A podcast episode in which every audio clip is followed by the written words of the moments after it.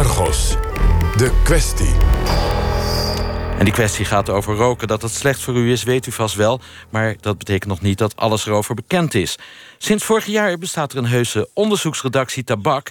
Een groep journalisten die de tabaksindustrie volgt... en dan vooral kijkt naar de manier waarop die industrie zich probeert te handhaven... in een steeds rookonvriendelijker klimaat.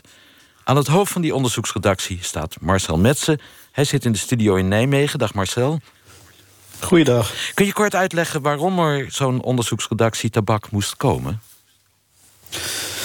Ja, dit is een initiatief geweest van de uh, Vereniging Nederlandse Tijdschrift voor Geneeskunde. Die graag uh, wat meer aan preventie wilde gaan doen vanuit hun eigen vereniging. En ze zagen dit als een van de mogelijkheden om uh, de discussie rond het roken te stimuleren en nader te voeden met, uh, met onderzoeksjournalistieke projecten.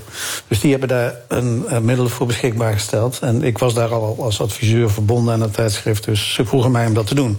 Nou, uh, is het, uh, je, je vraag impliciet ook een beetje van... is dat nou wel nodig, als ik je goed begrijp? Nou, meer van waarom tabak? Want je hebt ook nog alcohol, je hebt drugs. Die zijn minstens even interessant, lijkt me.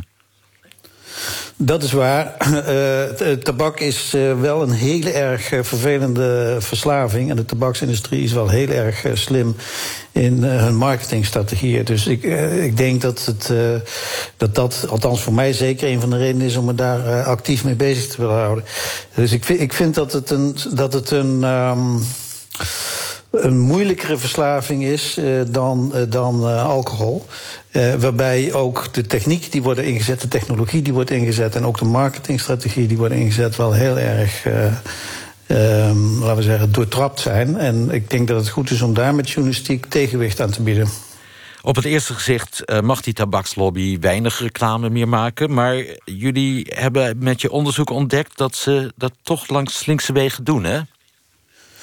Ja, dat is eigenlijk waar we erg op inzetten. Uh, wij hebben de afgelopen jaar hebben we op een paar manieren laten zien. Uh, hoe de tabaksindustrie toch probeert om hun doelgroepen te bereiken... al mag er dan officieel geen reclame gemaakt worden. Zij zijn erg geïnteresseerd in het bereiken van jongeren. En dat doen ze bijvoorbeeld door exclusieve verkoopdeals uh, te sluiten... met studentenverenigingen en met festivals, muziekfestivals.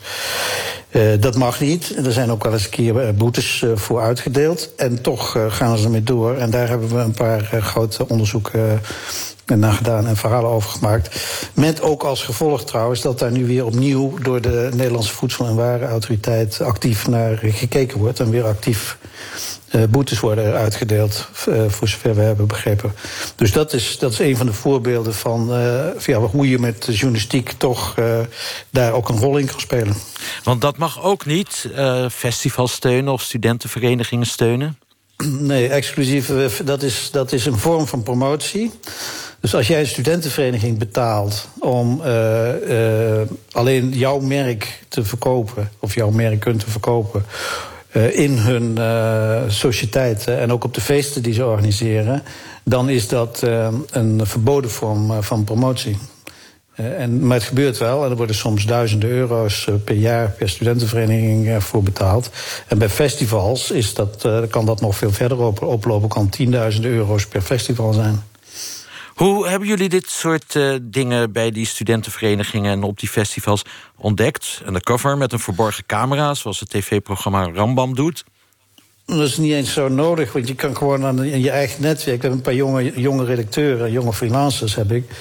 Ja, die, uh, die gaan zelf naar die festivals toe en die vragen hun vrienden van uh, maak eens een fotootje wat je daar ziet van wat je daar ziet. Want dat zijn hele van die verkoopstandjes. En uh, dan kun je gewoon heel simpel zien... wordt daar één uh, merk van één fabrikant verkocht. En dan gaan we eens praten met de organisatoren daarna. Huh? En de studentenvereniging precies hetzelfde. Een van onze redacteuren heeft zelf in zo'n studentenvereniging gezeten. En die is dus in zijn netwerk eh, wat gaan rondvragen. Dus het is eigenlijk klassieke journalistiek, zullen maar zeggen. Speuren. Jullie struinen het internet af om webshops te betrappen op reclame... voor bijvoorbeeld e-sigaretten, heb ik begrepen. Ook. Maar mag dat ook niet? Nee, mag ook niet meer. Dat is, vanaf 2016 is dat verboden. Ja, en dat blijkt dan toch gewoon door te gaan. Dus we hebben een, groot aantal van die sites bekeken. En dan zie je allerlei positieve uitingen en kortingsacties en zo. Dat mag allemaal niet meer. En uh, ja, dat, dat, daar, daar heb ik ook een, uh, een stuk op geschreven, over geschreven. Dat heeft overigens niet zo heel veel aandacht getrokken, maar wel weer van de NVWA, die daar, die daar uh, vervolgens ook weer naar is gaan kijken. En intussen een, um, weer boetes is gaan uitdelen daarvoor. Dus nou, weer wat effect. Een webshop in Eindhoven die uh, in e-sigaretten doet... heeft vervolgens een klacht tegen jullie ingediend... bij de Raad voor de Journalistiek. Waar gaat dat over? Nou ja, ze vonden dus. Wij hadden een klein uh, quote van hun website overgenomen. En, de klacht was, vond het wel een beetje, beetje grappig eigenlijk. Dat is dat wij geen, we, geen wederwoorden zouden hebben toegepast. Dus wij hadden een, een, een zinnetje uh, gebruikt van hun site in ons artikel. En vervolgens uh, hadden we daar dus nog kennelijk over moeten bellen of dat zinnetje dan wel van hun was of zo.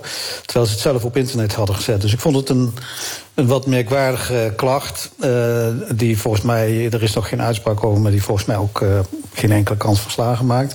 Maar het grappige was dat de betreffende klager ons een document deed toekomen. En dat was een procesverbaal van de NVWA tegen hem, waarin hij dus een boete kreeg uh, uitgedeeld. Zodat wij op het spoor kwamen van het feit dat de NVWA dat ook echt aan het doen was.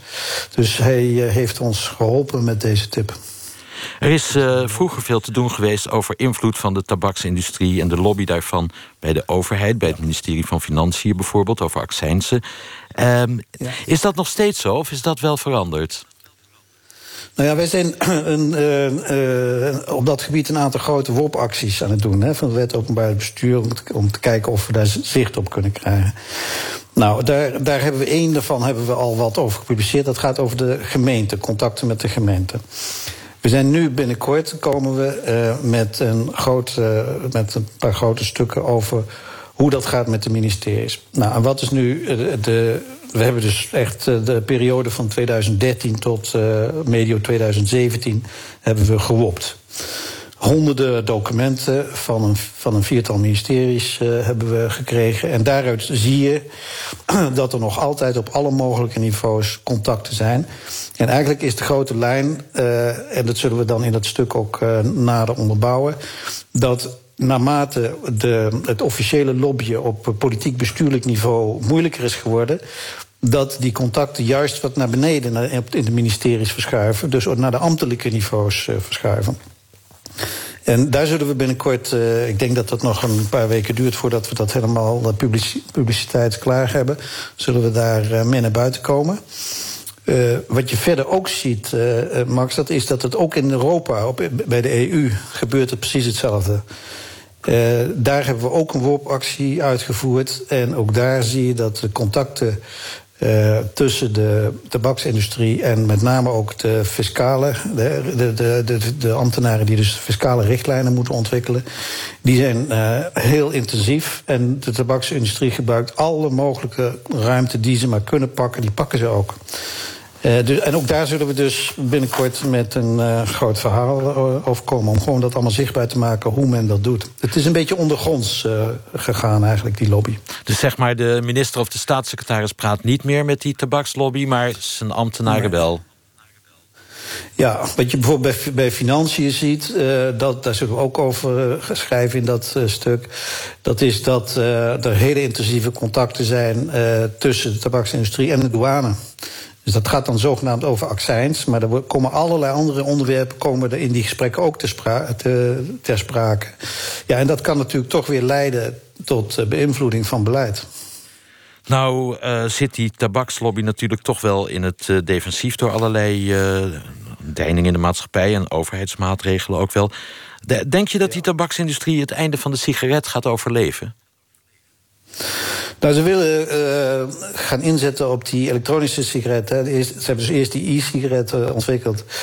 Met al die, al die vloeistofjes erin en zo. En nu is het nieuwste van het nieuwste is dus de, uh, de ICOS, dus de heatsticks en zo, hoe het allemaal genoemd wordt. Waarin tabak niet meer verbrand wordt, maar een soort ja, ver verwarmd wordt. En daar, daar, krijg je dan ook allerlei nicotine en andere spullen van, uh, van binnen. En hun uh, positie is dus dat dat minder schadelijk zou zijn dan uh, tabakroken. En dat is niet zo volgens jou? Nou, uh, dat, laten we zeggen dat die discussie nog loopt. Dus als je de wetenschappelijke discussie kijkt, dan blijkt dus dat er nog heel weinig, relatief weinig onderzoek is uh, gedaan. Het ook dat gedaan is, dat laat zien dat er wel degelijk schadelijke effecten zijn. Dus de discussie is dan nog een beetje over hoeveel. Hè? Maar dat er sprake is van, van nog altijd van schadelijke stoffen, dat, is, uh, dat staat al buiten kijf.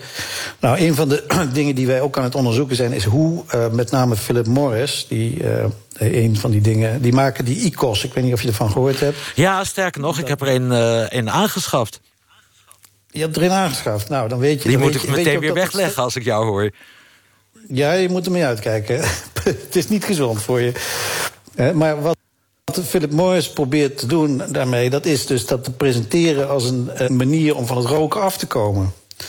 Nou, dat is echt uh, uh, al intussen bewezen onjuist. Er zijn echt onderzoeken die laten zien dat het meer een tussenstap naar het roken toe is. Met name voor jongeren. Jij hoort daar niet meer bij, geloof uh, nee. ik. Bij die, bij die categorie, dus voor jou werkt dat niet meer. Maar, maar voor jongeren is het een soort stepping stone naar tabak toe. En dat, dat ontkent uh, Philip Morris. Dat willen ze liever niet uh, horen. Uh, en ze presenteren dit dus als een, een middel om te stoppen met roken. En ze gaan daarin zelfs zo ver dat ze in hun marketing al gezegd hebben: wij willen ons gaan presenteren als een, een maatschappij die geen tabak meer verkoopt en die mensen juist helpt om te stoppen met roken. Nou, ik vind het van het cynisme van je welste, maar dat is wat ze wel proberen. Ik dank je, Marcel Metz, en succes met het werk van de onderzoeksredactie Tabak. En we gaan naar Dresden, naar Edwin Cornelissen. Waar het prijs is voor Shinky Knecht in de 1500